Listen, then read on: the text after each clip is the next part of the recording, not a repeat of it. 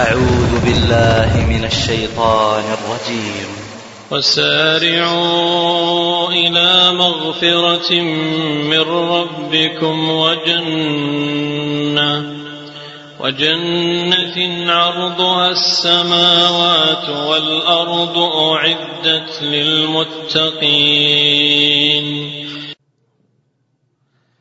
إن الحمد لله تعالى نحمده ونستعين به ونستغفره. ونعوذ بالله تعالى من شرور أنفسنا وسيئات أعمالنا.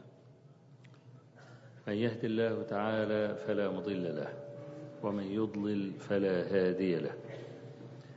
وأشهد أن لا إله إلا الله وحده لا شريك له وأشهد أن محمدا عبده ورسوله.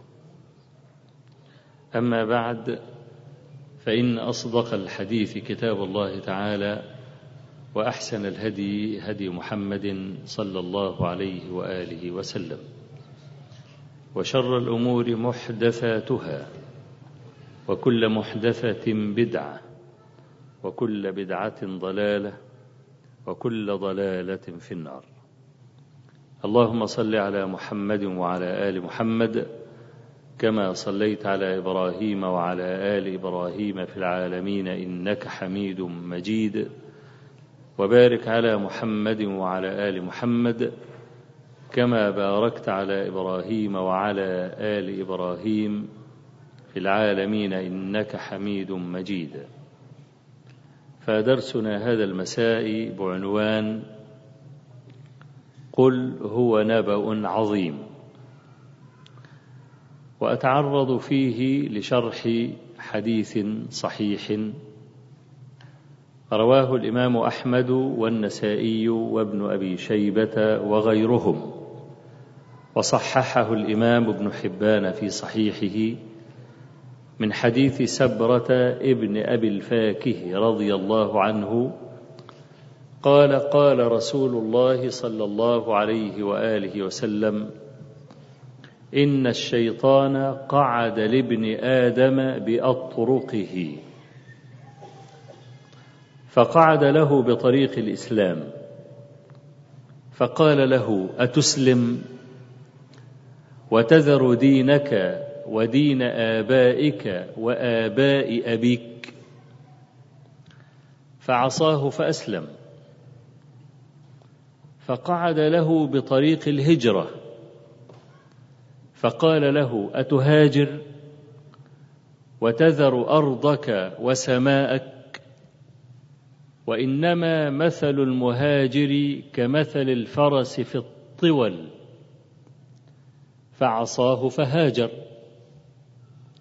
فقعد له بطريق الجهاد. فقال له أتجاهد؟ وإنما الجهاد جهد النفس فتقتل وتنكح امرأتك ويقسم مالك. فعصاه فجاهد. فمن فعل ذلك كان حقا على الله أن يدخله الجنة. وإن قتل كان حقا على الله أن يدخله الجنة. وإن غرق كان حقا على الله أن يدخله الجنة. وإن وقصته دابته كان حقا على الله أن يدخله الجنة. هذا الحديث كما عنونت له قل هو نبأ عظيم. أنتم عنه معرضون. لأن أظهر عداوة في العالم هي عداوة الشيطان. وقد وصفها الله سبحانه وتعالى في القرآن عدة مرات بأنها عداوة بينة. فقال تعالى إن الشيطان للإنسان عدو مبين. وكان الشيطان للإنسان عدوا مبينا. وقال تعالى أفتتخذونه وذريته أولياء من دوني وهم لكم عدو بئس للظالمين بدلا. وقال لأبينا آدم عليه السلام إن هذا عدو لك ولزوجك. فعداوته بينة. ومع ذلك فترى أكثر أهل الأرض قد وضعوا أيديهم في يده. ويتورط كثير من المسلمين أيضا في هذا المسلك مع أن عداوته بينة. وليست بينة فقط وشديدة أيضا.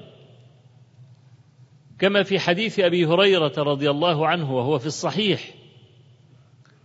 قال عليه الصلاة والسلام ما من مولود حين يولد إلا وينخسه الشيطان ساعة يولد ولذلك يستهل صارخا. الولد ينزل من بطن أمه يصرخ. لماذا يصرخ الولد؟ انتقل من حياة إلى حياة من بطن ضيق إلى العالم الواسع؟ أهو جائع؟ أهو عطشان؟ لا لا هذا ولا هذا ولا ذاك. إنما نزل صارخا لأن الشيطان نخسه في جنبه. مع أن هذا الوليد لا له سن تقطع ولا يد تبطش ولا فعل شيئا. ها؟ مولود في التو واللحظة. ما من مولود يولد إلا وينخسه الشيطان ساعة يولد. لذلك يستهل صارخا إلا مريم وابنها. ثم قال واقرأوا إن شئتم وإني أعيذها بك وذريتها من الشيطان الرجيم.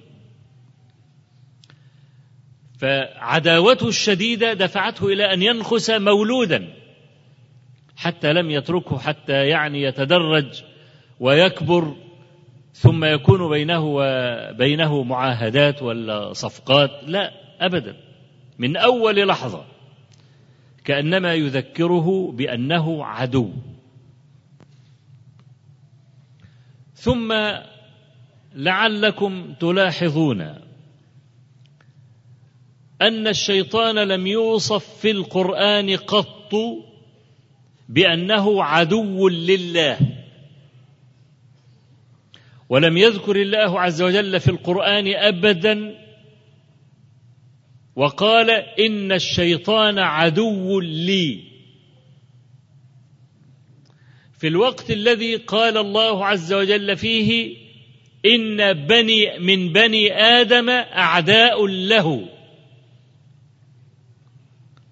فقال تعالى فإن, الشي فإن الله عدو للكافرين. وقال في حق فرعون لما التقط موسى عليه السلام يأخذه عدو لي وعدو له. وقال تعالى يا أيها الذين آمنوا لا تتخذوا عدوي وعدوكم أولياء. لابد أن يكون تحت هذا سر أن يكون العبد عدوا لله ويذكر لنا ربنا عز وجل أن من بني آدم من هو عدو لله. لكن الشيطان لم يقل الله أبدا إن الشيطان عدو لي. ليه؟ في فهمي وأنا لم أقرأ هذا حتى أكون أمينا في نقل هذه المعلومة. لم أقرأه لأحد ولكن لفت نظري هذا المعنى. فبحثت عن السبب. فإن كان صوابا فمن الله عز وجل وإن كان خطا فمني ومن الشيطان وأستغفر الله منه. ذلك أن تأثير شيطان الإنس على ابن آدم أعظم من تأثير الشيطان الجن. ونحن نعلم أن الشيطان من الجن كما في سورة الكهف وإذ قلنا للملائكة اسجدوا فسجدوا إلا إبليس كان من الجن ففسق عن أمر ربه. الشيطان وكل شياطين الجن بمجرد أن تستعيذ بالله منهم يفرون. ويمكن أن تتقي عداوته بذلك بخلاف شيطان الإنس. لو قرأت القرآن كله عليه يقول انها هنا قاعدون. إنما بمجرد أن تقول أعوذ بالله من الشيطان الرجيم يفر. شيطان الجن. فلذلك ولأن الطبع يسرق. الطبع سراق. والناس يقلد بعضهم بعضا. يرى هذا يفعل هذه الصفة يفعل مثلها. تجد كثير من أبناء المسلمين بكل أسف يقلدون لاعبي الكرة والممثلين في طريقة حلق الشعر يحلق كابوريا يحلق أي حاجة تبص زي كما يفعلون يفعل. لأجل هذا نهانا رسول الله صلى الله عليه وسلم عن مخالطة الكافرين. ليه؟ لأن الطبع يسرق. الطبع يسرق. وكان من مما عاهد أو بايع رسول الله صلى الله عليه وسلم جرير بن عبد الله البجلي لما جاءه فقال رسول الله على ما أبايعك؟ فكان من جملة ما قال له وأن تهجر أو وفي رواية وأن تفارق المشرك. ليه؟ لأن الطبع سراق يسرق. هذا الطبع يسرق من هذا. فإذا ابتلي إنسان بشيطان من شياطين الإنس يكون له تأثير كبير عليه. وهذا الشيطان الإنسي قد يضل الإنسان وينقله من الإيمان إلى الكفر فصار بهذا عدوا لله سبحانه وتعالى. أما شياطين الجن فكما قلت لكم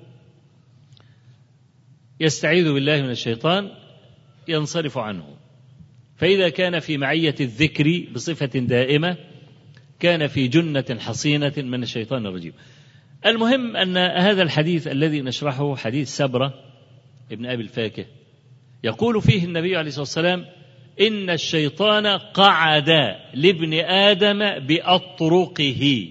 أطرقه جمع طريق يعني ليس هناك طريق يسلكه المرء إلا وعلى رأسه شيطان. فهل تنبه المسلمون إلى هذه الحقيقة؟ وأن عدوه اللدود الذي رفع عقيرته على ربه وأقسم ليضلن بني آدم جميعا إلا من أخلصهم الله عز وجل لنفسه. فهذا لا يستطيع حيلة معهم ليه لأنهم في حرز من الشيطان. فلما يقسم هذا الشيطان أن, أن يضل كل بني آدم ويأتيهم من كل الاتجاهات ثم لآتينهم من بين أيديهم ومن خلفهم وعن أيمانهم وعن شمائلهم ولا تجد أكثرهم شاكرين. وعلل بعض العلماء أنه لا يأتي لا من فوق ولا من تحت لأن دي جهة الخسف أو نزول العذاب. فعندما يقول سيأتيه من هذه الجهات الأربع يبقى هذا عدو متربص. فلا بد أن تأخذ حذرك منه. ثم ذكر صلى الله عليه وآله وسلم نماذج من فعل هذا الشيطان. فذكر نماذج ثلاثة. وتحتها تضع ثلاثمائة ثلاثة آلاف ثلاثين ألفا ثلاثمائة ألف طرق الشيطان كثيرة جدا في إضلال بني آدم. فهذا الشيطان قعد له بطريق الإسلام. أول شيء. فقال له أتسلم؟ وتذر دينك ودين آبائك وآباء أبيك. لماذا ذكر الآباء في مقابل الدين؟ لأن المرء يرث دين أبيه. نحن معاشر المسلمين ورثنا الدين من آبائنا. يعني ليس لنا فضل تنقيب ولا تفتيش ولا بحث ولا هذا الكلام. فنحن نحمد الله عز وجل أن جعلنا مسلمين. كثير من أبناء غيرنا يتبعون ملل آبائهم ويموتون على هذه الملة ويكونون حصب جهنم. فالمرء يرث دين أبيه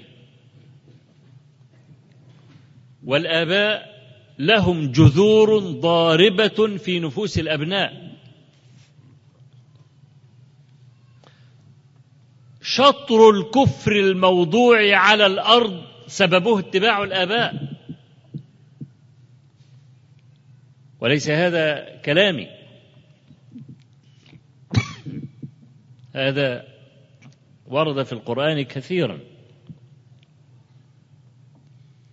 وإذا قيل لهم اتبعوا ما أنزل الله قالوا بل نتبع ما ألفينا عليه آباءنا. أولو كان آباؤهم لا يعقلون شيئا ولا يهتدون. وقال تعالى وإذا قيل لهم تعالوا إلى ما أنزل الله وإلى الرسول قالوا حسبنا ما وجدنا عليه آباءنا. أولو كان آباؤهم لا يعلمون شيئا ولا يهتدون؟ ولما جاء هود عليه السلام إلى عاد قالوا أجئتنا لنعبد الله وحده ونذر ما كان يعبد آباؤنا؟ وإبراهيم عليه السلام واتل عليهم نبأ إبراهيم إذ قال لأبيه وقومه ما تعبدون؟ قالوا نعبد أصناما فنظل لها عاكفين. قال هل يسمعونكم إذ تدعون؟ أو ينفعونكم أو يضرون؟ قالوا وجدنا آباءنا كذلك يفعلون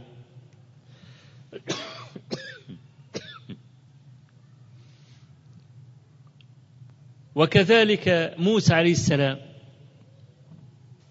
لما جاء إلى دعوة فرعون قالوا أجئتنا لتلفتنا عما كان يعبد آباؤنا وتكون لكما الكبرياء في الأرض وما نحن لكما بمؤمنين. ولما جاء النبي صلى الله عليه وسلم إلى قريش. قالوا إنا وجدنا آباءنا على أمة وإنا على آثارهم مهتدون. وكل نبي أرسله الله عز وجل عارضه الناس بسنة الآباء. وكذلك ما أرسلنا من قبلك في قرية من نذير إلا قال مترفوها إنا وجدنا آباءنا على أمة وأنا على آثارهم مقتدون.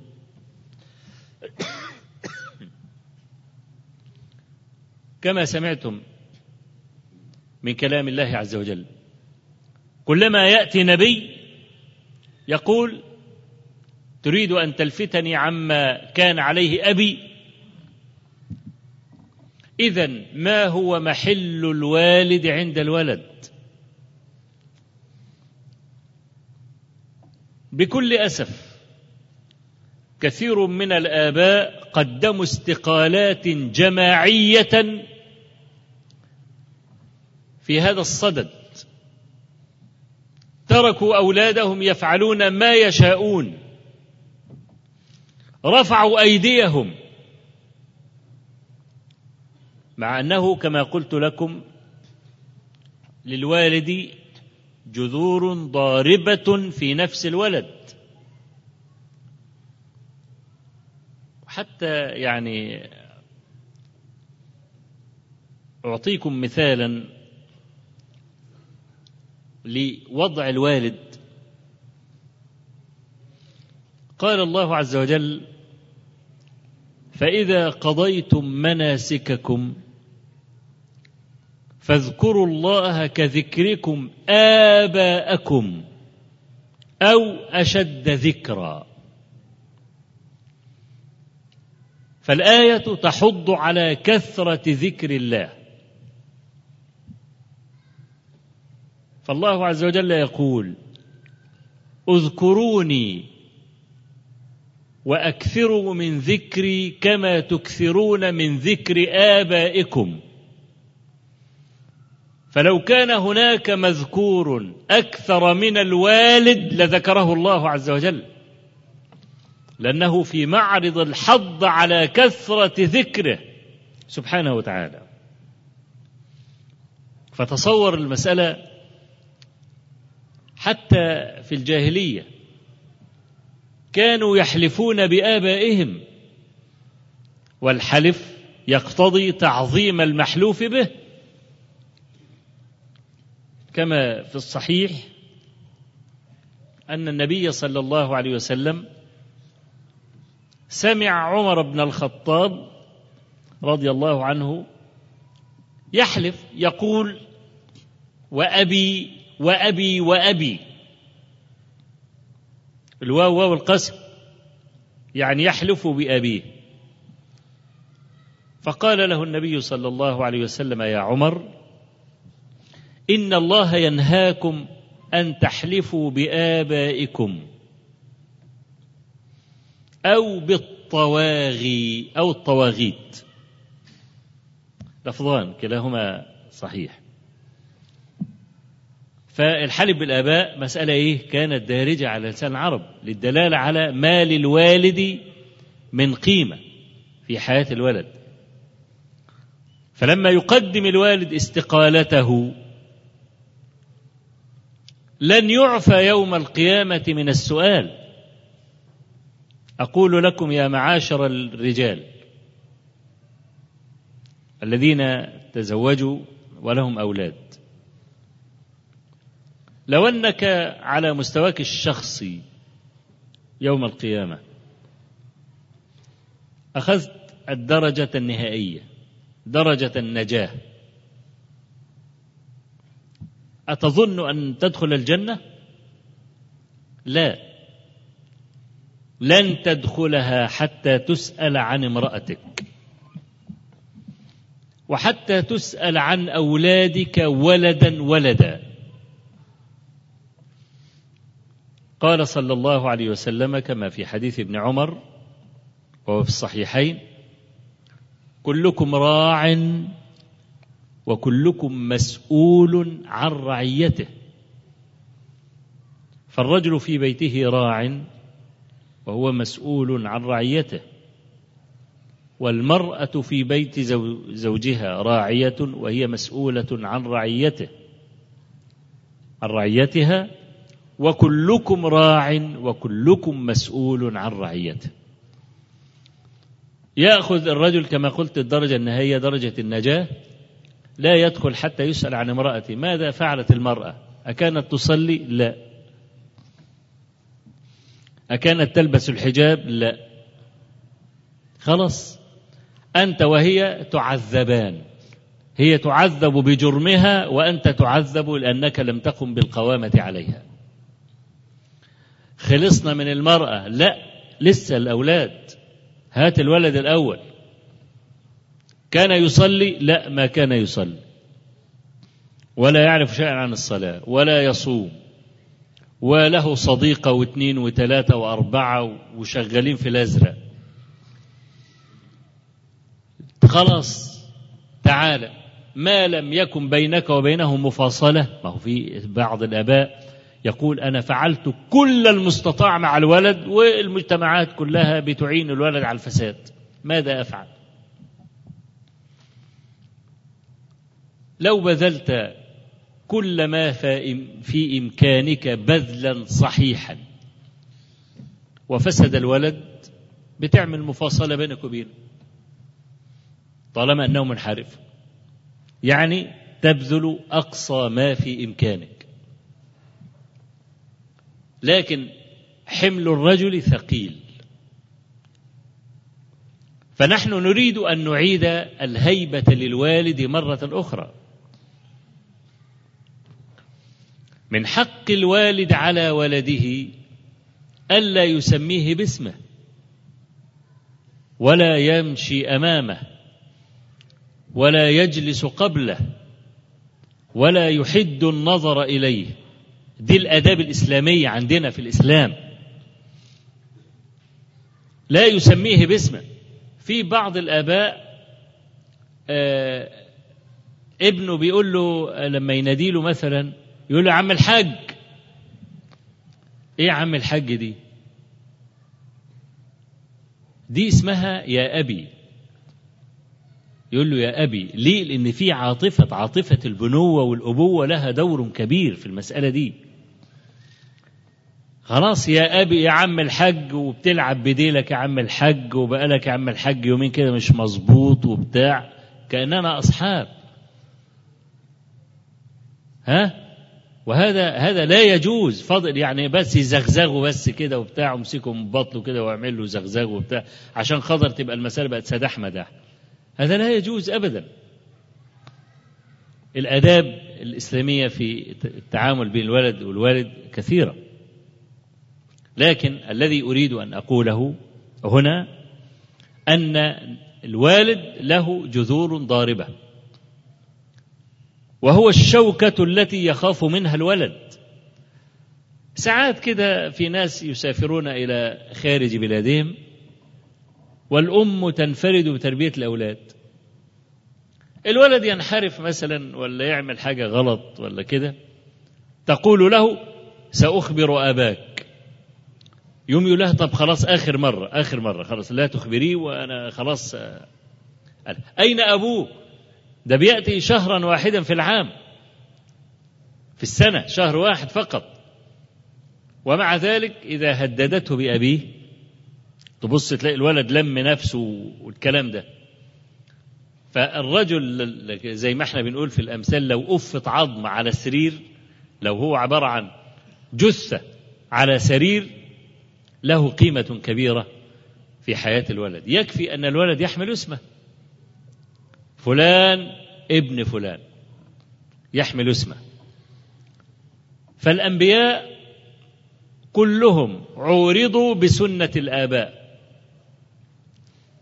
فالشيطان لما يعلم من مكانة الوالد في نفس الولد يوم يهيجه يقول له أتسلم وتذر دينك ودين آبائك وآباء أبيك. يعني شوف مرجعه للجد السابع عشر بقى ولا الثامن عشر.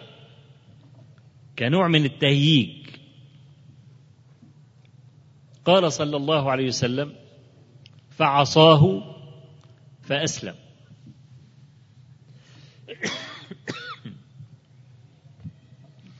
هل تركه الشيطان؟ أبدا. بعد الإسلام الشيء الطبيعي أن يفارق المرء ديار الكفر ليلتحق بديار الإسلام حتى يستمتع بالإسلام. وأنت لا تستطيع أن تستمتع بالإسلام إلا إذا كنت في وسط مسلمين. هذا ينفذ أحكام الله وهذا ينفذ أحكام الله. وأحكام ربنا عالية تشمل الجميع فتشعر أنت بالدفء وتستمتع بحلاوة الإسلام. فلذلك بعدما قاوم الشيطان وأسلم ينبغي عليه أن يهاجر. فالشيطان سبقه إلى طريق الهجرة ووقف على الرصد على قارعة الطريق. يريد أن يصده عن الهجرة. كما قلت لكم الهجرة الأولى الهجرة الأولى التي هاجر المسلمون من مكة إلى المدينة كان القصد منها عمل كيان حتى يشعر المسلم أن له حيثية وأن له وطنا. فهذا يعطيه شيئا من القوة. لذلك كانت الهجرة واجبة. وعادة الذي يهاجر يترك خلفه ملاعب صباه ويترك أهله ويترك خلانه أصدقاءه ولا تجمل الحياة إلا بهذا. كما سأذكر لكم. فقعد له بطريق الهجرة. قال له أتهاجر؟ وتترك أرضك وسماءك. وإنما مثل المهاجر كمثل الفرس في الطول. عايز يقول له تدع أرضك وسماءك. أنت عندما أنت عندما تنتقل من سكن إلى سكن تظل مدة يعني غريبا عن المكان. ليه؟ لأن السكن لا يكون سكنا إلا إذا صار بينك وبين الجدران مودة. تدخل الغرفة اتعودت. أن أن ترى هذا الجدار باللون الفلاني وهذا الجدار باللون الفلاني. وتعودت أنك ترى السرير في المكان الفلاني والسجادة في الموضع الفلاني. تعودت على هذا. وكثير من الناس إذا غير مكان نومه لا يستطيع أن ينام. ربما يظل يوم يومين لو هو في سفر مثلا يظل يوم يومين عنده أرق حتى يأخذ على المكان ويبقى بينه وبين المكان ألفة. فهو الشيطان أيضا يهيجه أيضا ويريد أن يصده عن الهجرة. يقول أتهاجر وتدع أرضك التي ولدت عليها ودرجت وهي ملاعب الصباك وسماءك. واللي يعرف المسألة دي الجماعة الذين يعملون في السلك الدبلوماسي. ليه كثير التنقل. ينقلوا من مكان إلى مكان ومن مكان إلى مكان وفي ناس لفوا العالم كله. إذا كان سفيرا أو إذا كان يعمل في سفارة أو الكلام ده يأتيه مرسوم ينتقل من هذه السفارة في الدولة الفلانية إلى سفارة في دولة أخرى والكلام ده. وممكن يسكن في أفخم القصور وفي أفخم الأماكن والكلام ده لكن كل هذا لا يساوي في العاطفة بيته الأول الذي ولد فيه ولا بلدته التي ولد فيها ونشأ فيها. تجد عنده عاطفة ناحية هذا المكان بخلاف أي مكان في العالم. مهما كان هذا المكان جيدا ومريحا. وفي هذا قصة لطيفة حدثت لرجل من العرب القدامى. هذا الرجل كان متزوجا بامرأة.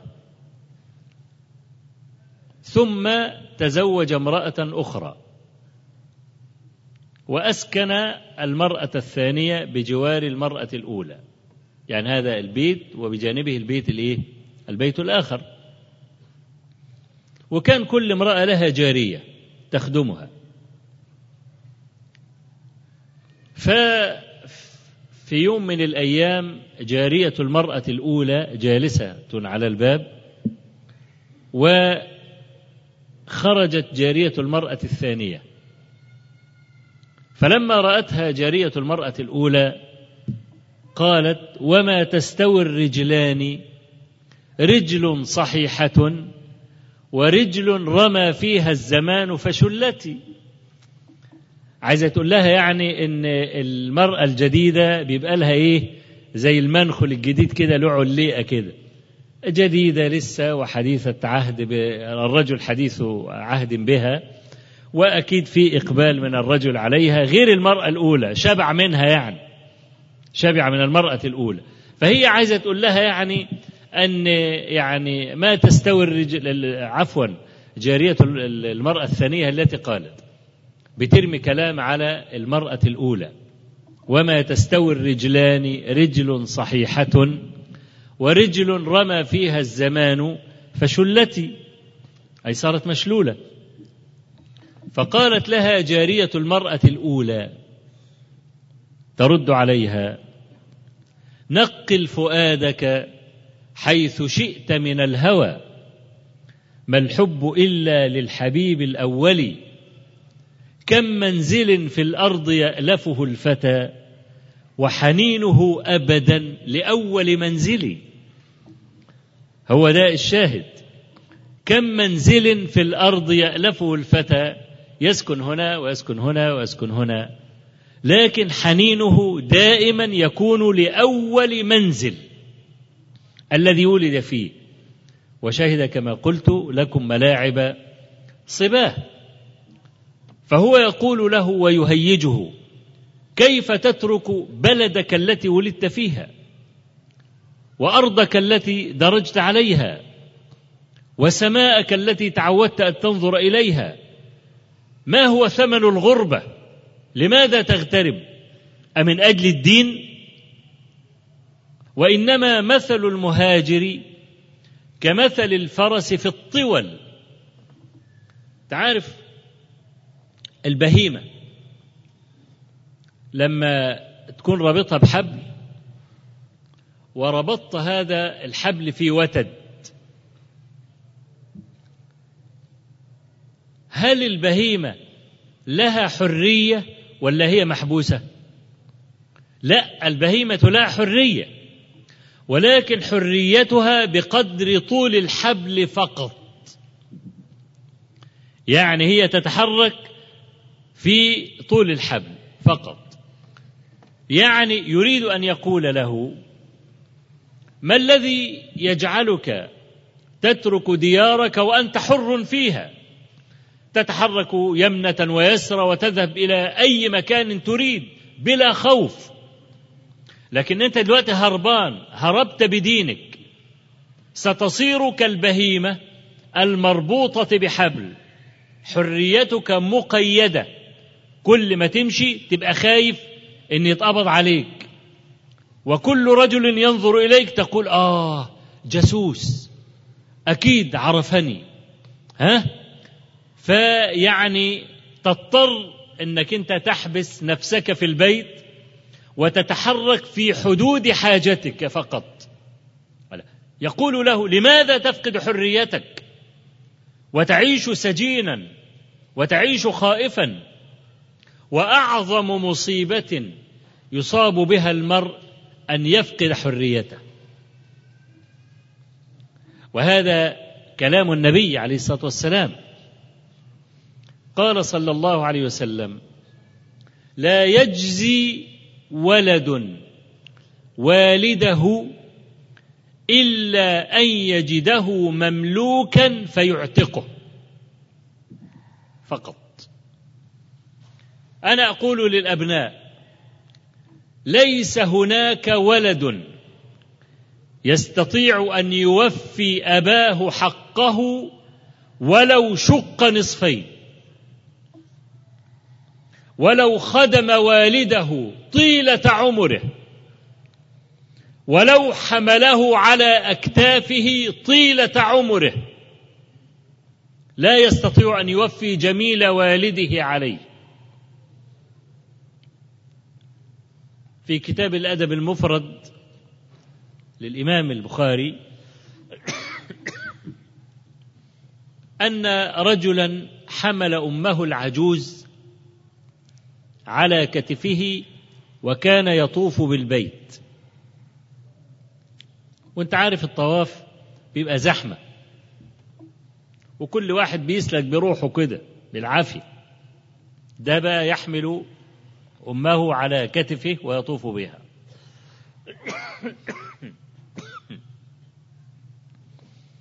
فذهب هذا الرجل الذي يحمل أمه إلى ابن عمر. وقال له يا ابن عمر تراني وفيتها.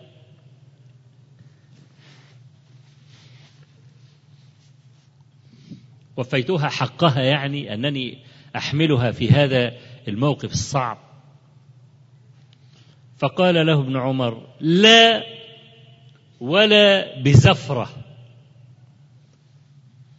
الزفرة هي صرخة الأم حال الولادة. الأم وهي بتولد والراس رأس الولد بتخرج هذا يساوي الموت. يساوي الموت حقا. مش كلام ليس مجرد كلام. رأس الولد قد كده. تخرج من رحم ضيق بقدر إصبعين. هو ده الموت. الأم ترى الموت حقا حال نزول الولد. وطبعا قبل الولادة في طلق وعذاب للأم والكلام ده حملته أمه وهنا على وهن. فقال له ابن عمر لا ولا بزفرة. الآه التي تطلقها الأم حال الولادة كل ما فعلته أيها الرجل لا يساوي زفرة واحدة. شوف بقى حملتك وهنا على وهن وبعدين ولدتك وبعدين ظلت ترضعك سنتين وتحملك وانت عمال تصرخ لا تنام لا ليلا ولا نهارا وهي شيلاك ليل نهار ومطلوب منها أن تخدم زوجا وأن تخدم أولادا آخرين والكلام ده فلا يستطيع ولد أن يوفي حق والده أنا عايز الأبناء ياخدوا بالهم من هذا الكلام. لأن الأيام دول. اللي الذي تفعله في أبيك سيفعله ولدك فيك. لازم تعرف الحقيقة ديت. إذا كنت تريد أن تعيش محترما لابد أن تبر والدك. ووالدتك طبعا لما بقول الوالد أي الذي ولد يعني الأب والأم يعني. متى يضع الولد رجلا على رجل؟ ويقول لأبيه أنا وأنت رأس برأس. يعني لا فضل لك علي في حالة واحدة فقط. أن يكون الوالد مملوكا فيشتريه ولده ويعطيه الحرية. هي دي الحالة الوحيدة. أما غير ذلك فلا. عشان كده أقول لك أعظم المصائب أن يفقد الرجل حريته. لأن العبد المملوك يعني لا يستطيع أن يتزوج إلا بإذن مولاه. قال صلى الله عليه وسلم أيما رجل أيما مملوك تزوج بغير إذن مواليه فهو عاهر. عاهر يعني زاني. حتى لو كان المالك قاسيا على المملوك والمملوك لم يستطع وهرب. هرب من مالك لا تقبل له صلاة ولا صيام. ولا حج ولا زكاة حتى يرجع لمولاه. تاني. ده إيه العذاب ده؟ يبقى الحرية هي أعظم ما يمتلكه الإنسان أن يكون حرا ليس مملوكا. وإنت عارف كثير من الناس الآن يفقدون حريتهم. مملوك يعني في الحقيقة وإن كان بزي حر. لكنه في الحقيقة مملوك. فيقول الشيطان لهذا المهاجر أتهاجر وتذر أرضك وسماءك؟ وبعدين اداله دي بقى اللي تخوفه. وإنما مثل المهاجر كمثل الفرس في الطول يعني ستفقد حريتك هتبقى محبوس في البيت. يدوب تخرج تقضي يعني مهماتك الضرورية ثم ترجع تتحبس في البيت. ما الذي يجبرك على هذا؟ ها؟ فعصاه فهاجر. بقي طريق الجهاد. طالما إن حصل ثبت إسلامه ثم هاجر. طبيعة الهجرة لابد أن يعقبها جهاد كما حدث مع النبي عليه الصلاة والسلام وأصحابه وكما تعرفون ذلك. ونمثل بغزوة بدر مثلا وهي أولى الغزوات الكبيرة وأعظم الغزوات قاطبة. أما أولى الغزوات فهذا أمر معروف لكم جميعا. كان في سرايا آه السريه حاجة كده بسيطة كده لكن غزوة كغزوة كبير كغزوة كبيرة هي غزوة بدر أول غزوة. كان سنة اثنين هجرية. أما أنها أعظم الغزوات على الإطلاق فلأن من شهدها نقطع له بأنه من أهل الجنة. وهذا كلام الرسول عليه الصلاة والسلام في أكثر من حديث.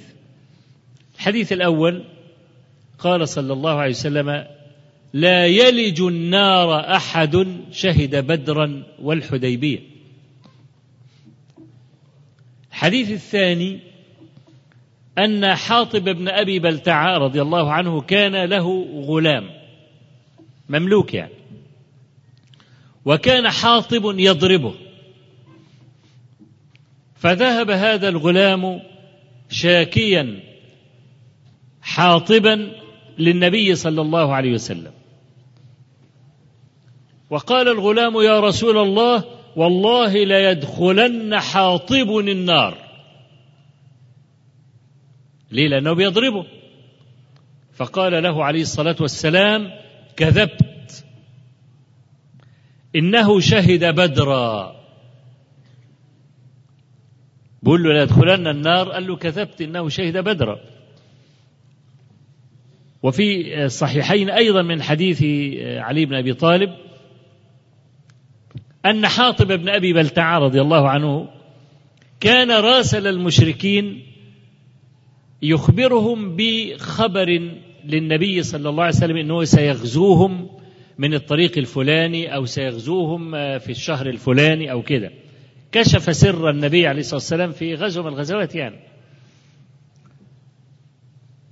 وأعطى حاطب هذا الكتاب لامرأة فجعلته بين ضفائرها يعني ضفرت شعرها على الكتاب.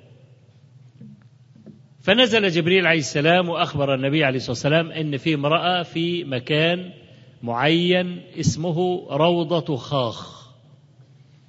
معها كتاب فيه كذا وكذا. فالرسول عليه الصلاة والسلام انتدب علي بن أبي طالب والمقداد بن الأسود وآخرين رضي الله عنهم جميعا. وقال له اذهب إلى روضة خاخ ستجد ضعينة تجلس هناك. في عقاصها كتاب. يعني الكتاب في الضفيرة بتاعتها.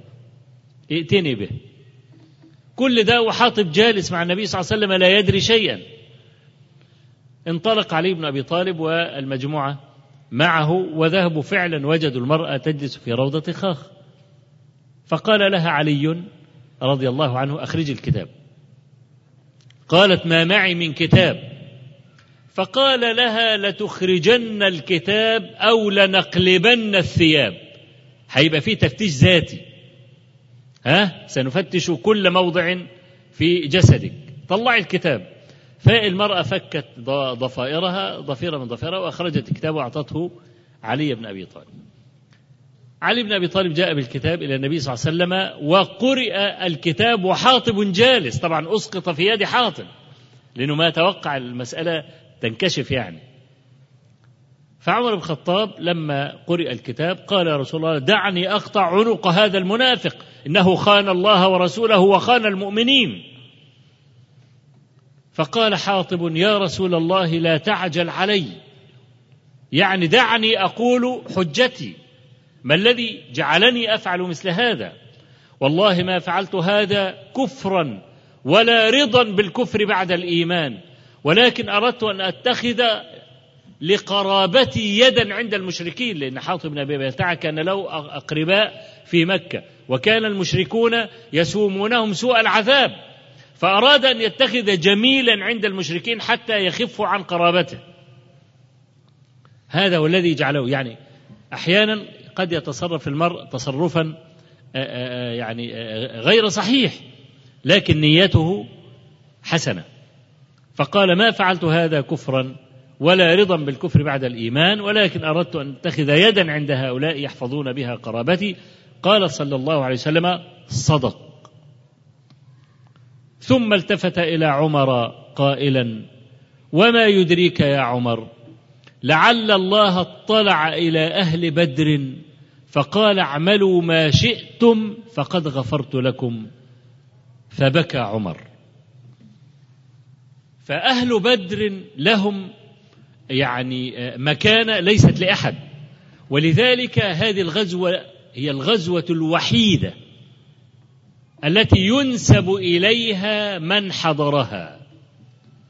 بخلاف بقية الغزوات يقال فلان البدري ولا يقال الأحدي ولا الخندقي ولا التبوكي ولا لا إنما ينسب المرء إلى هذه الغزوة لشرفها. هؤلاء الصحابة الذين خرجوا لملاقاة عير قريش تركوا ديارهم أخذها المشركون وباعوها وأكلوا أثمانها. تركوا أموالهم وتخففوا منها أصله هربان بدينه. الدين عنده هو كل شيء فيريد أن ينجو بهذا الدين. فترك داره وترك أرضه وترك ماله كما حدث لصهيب الرومي رضي الله عنه. صهيب الرومي أراد أن يهرب من المدينة ليلا من من مكة ليلا إلى المدينة. وشى به بعض الناس إن هو سيهرب بالليل. فانطلقت الخيل وراءه فأدركته في بعض الطريق. فقالوا له جئتنا صعلوكا لا مال لك. ثم تريد أن تخرج بالمال؟ فقال لهم يعني أرأيتم إن آه، دللتكم على المال أتخلوا بيني وبين وجهي؟ سيبوني يعني أمشي وتاخذوا المال؟ قالوا نعم. قال المال في مكان كذا تحت جدار أو كان صهيب حفر له في مكان ما وردم عليه يعني. فتركوه ورجعوا أخذوا المال طبعا. فلما جاء صهيب آه، إلى المدينة ولقي النبي عليه الصلاة والسلام فأخبره بذلك. فقال له عليه الصلاة والسلام ربح البيع يا أبا يحيى. ربح البيع إنك تركت هذا لله وما عند الله لا يضيع أبدا. لأن الله عز وجل قال لنا إن الله اشترى من المؤمنين أنفسهم وأموالهم بأن لهم الجنة. ده عقد بيع.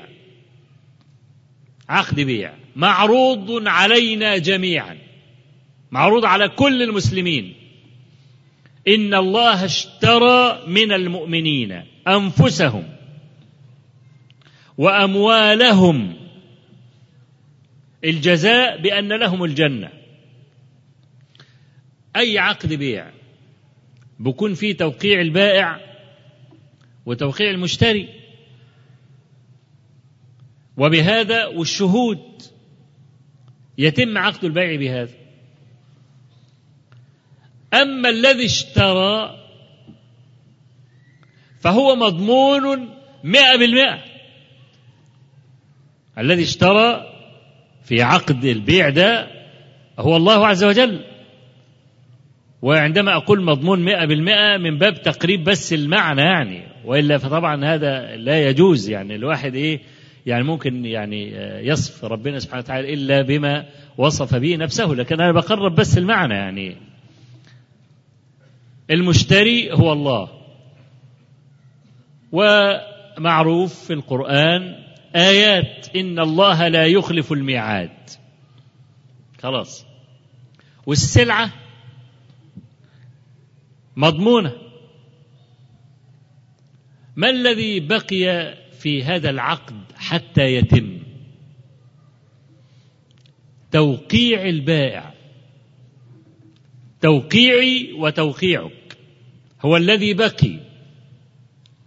فهل أنت على استعداد فعلا والمشتري مضمون والسلعة مضمونة بقي توقيعك أنت كبائع. ممكن توقع؟ كثير من الناس لا يوقعون. في الأموال مثلا أردنا أن نبني مسجدا من المساجد. فبنطوف مثلا على أصحاب الأموال و... والله عايزين نبني مسجد في المكان الفلاني و... فقيل لنا إن فلان الفلاني ده يعني عنده أرض كثيرة وعنده تجارات وبتاع والكلام ده مليونير يعني. ده أنتوا بس اذهبوا إليه وعلى طول هيدوكم مبلغ محترم يعني. فذهبت إليه ويعني كان ربنا سبحانه وتعالى فتح علي في المجلس واتكلمت كلام عاطفي لدرجة ان أنا كنت هعيط من الكلام. يعني من كتر ما أنا متأثر بالكلام كدت أن أبكي. فبعد ما خلصنا الكلام ده قلت أكيد الراجل بقى هيدينا شيك مثلا بمئة ألف ولا حاجة.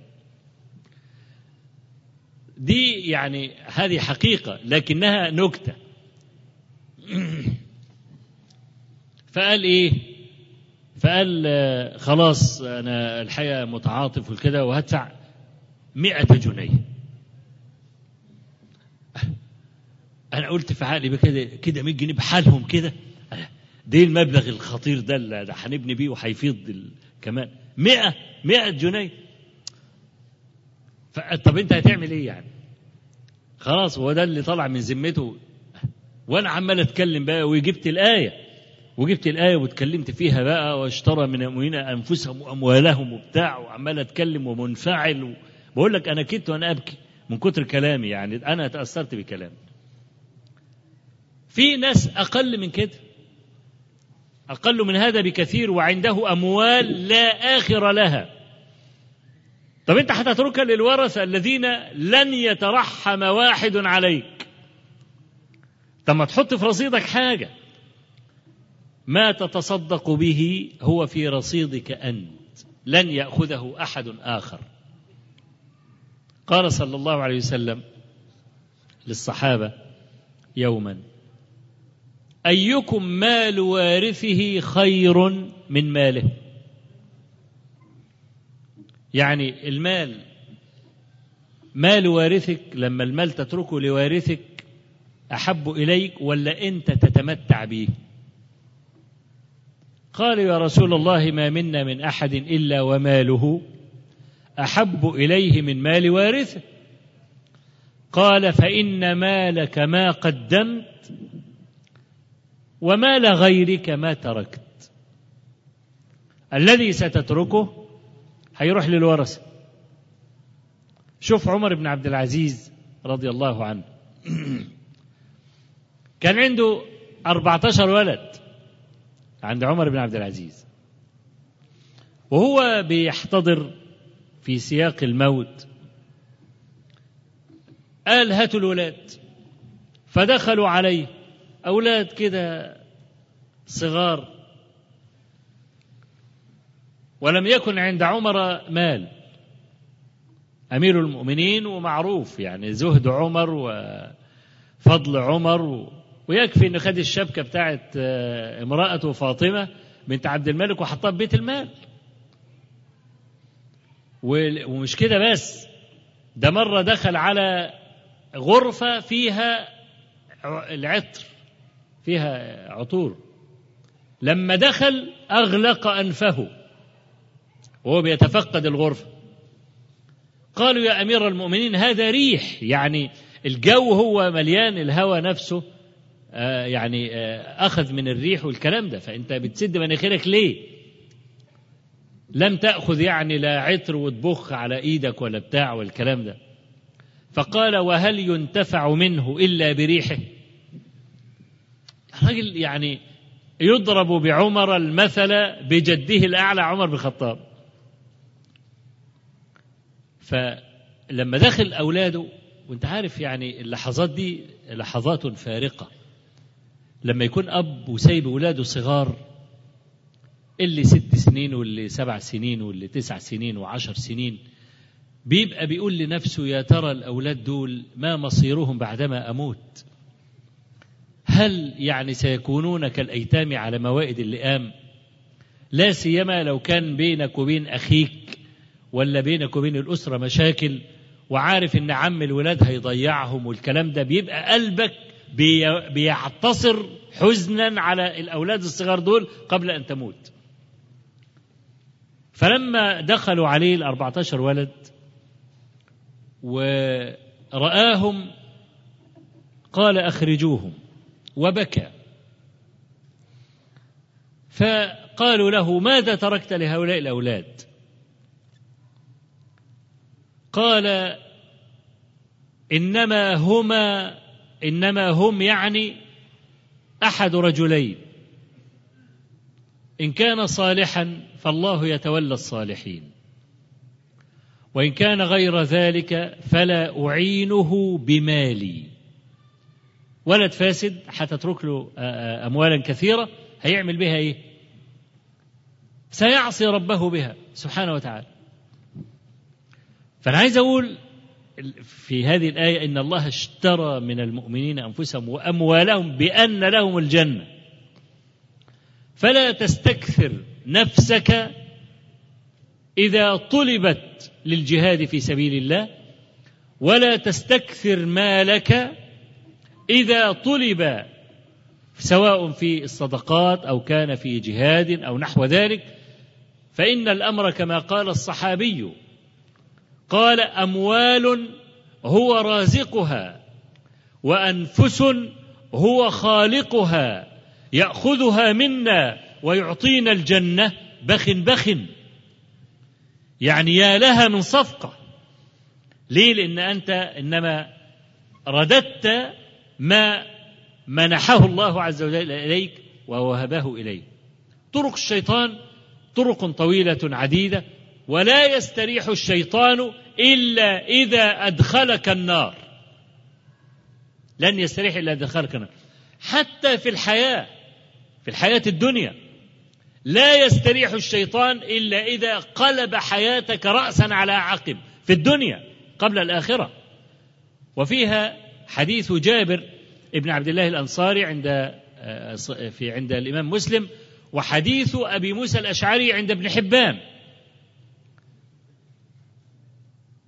قال صلى الله عليه وسلم يقول إبليس للأبالسة بتوعه اللي هم الصبيان بتوعه يعني من أضل اليوم مسلما ألبسته التاج.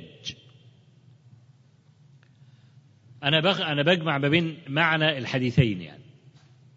ثم يرسل الشيطان سراياه تترى إلى بني آدم.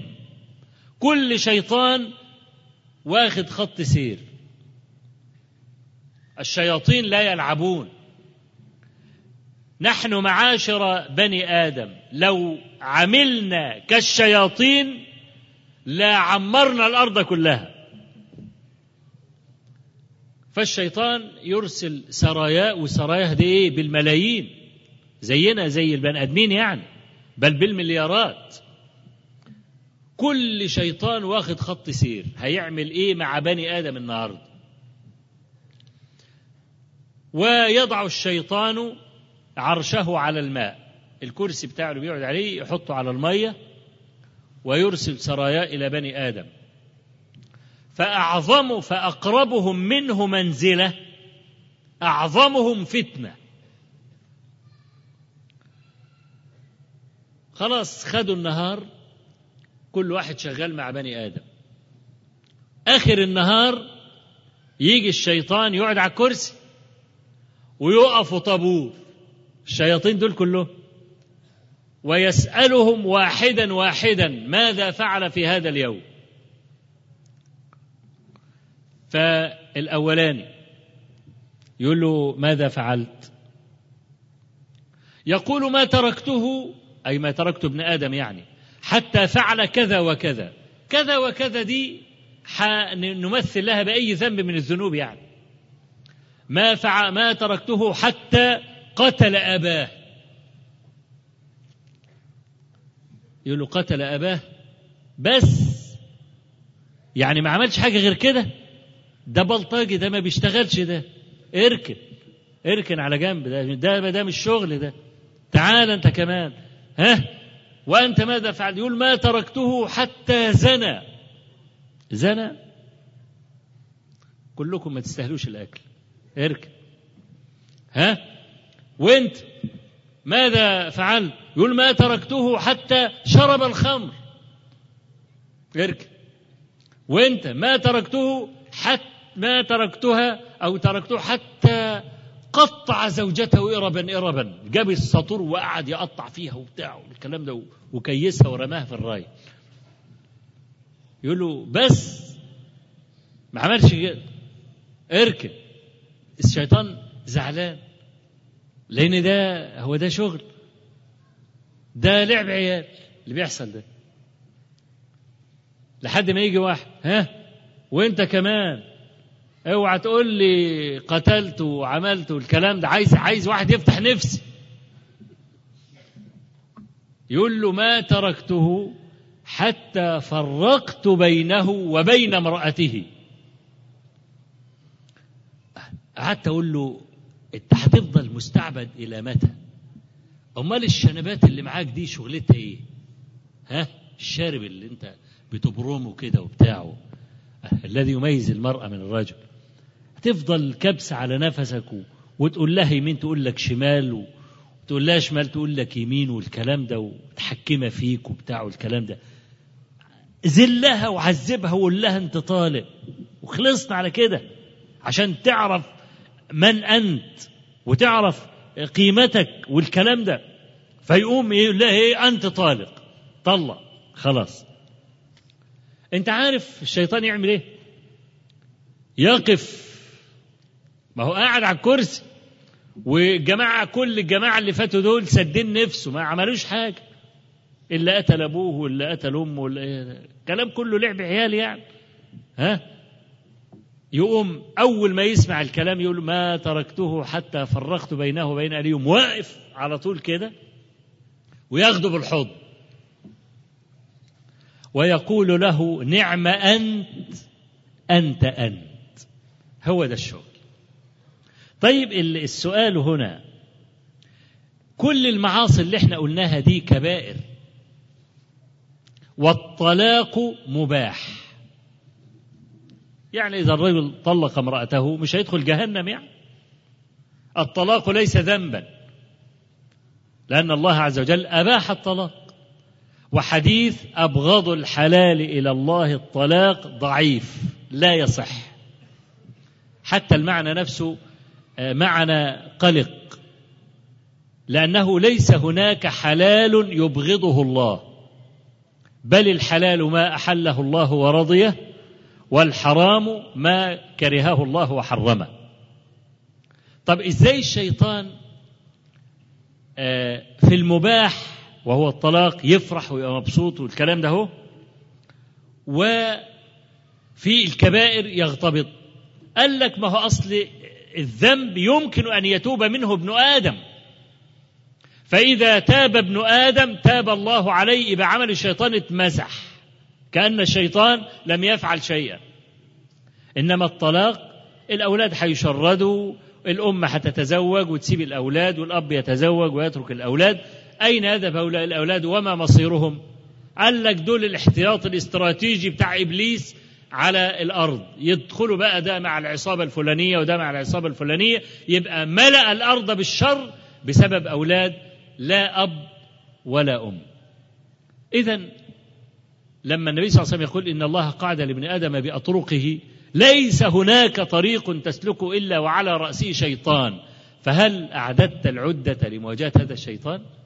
الرسول عليه الصلاة والسلام ختم هذا الحديث بقوله فمن فعل ذلك أي من عصاه فأسلم ومن عصاه فهاجر ومن عصاه فجاهد فمات ده كان حقا على الله أن يدخله الجنة ومن قتل أي في سبيل الله كان حقا على الله أن يدخله الجنة ومن غرق أي كان يركب في غزو في سبيل الله كان حقا على الله أن يدخله الجنة أو في أي عمل من أعمال الطاعات ومن وقصته دابته أي رفسته دابته فقتلته كان حقا على الله أن يدخله الجنة. أسأل الله تبارك وتعالى أن يعصمني وإياكم من الزلل وأن يقينا وإياكم من شياطين الإنس والجن. إنه على كل شيء قدير وبالإجابة جدير. أقول قولي هذا وأستغفر الله العظيم لي ولكم وصلى الله وسلم وبارك على نبينا محمد والحمد لله رب العالمين.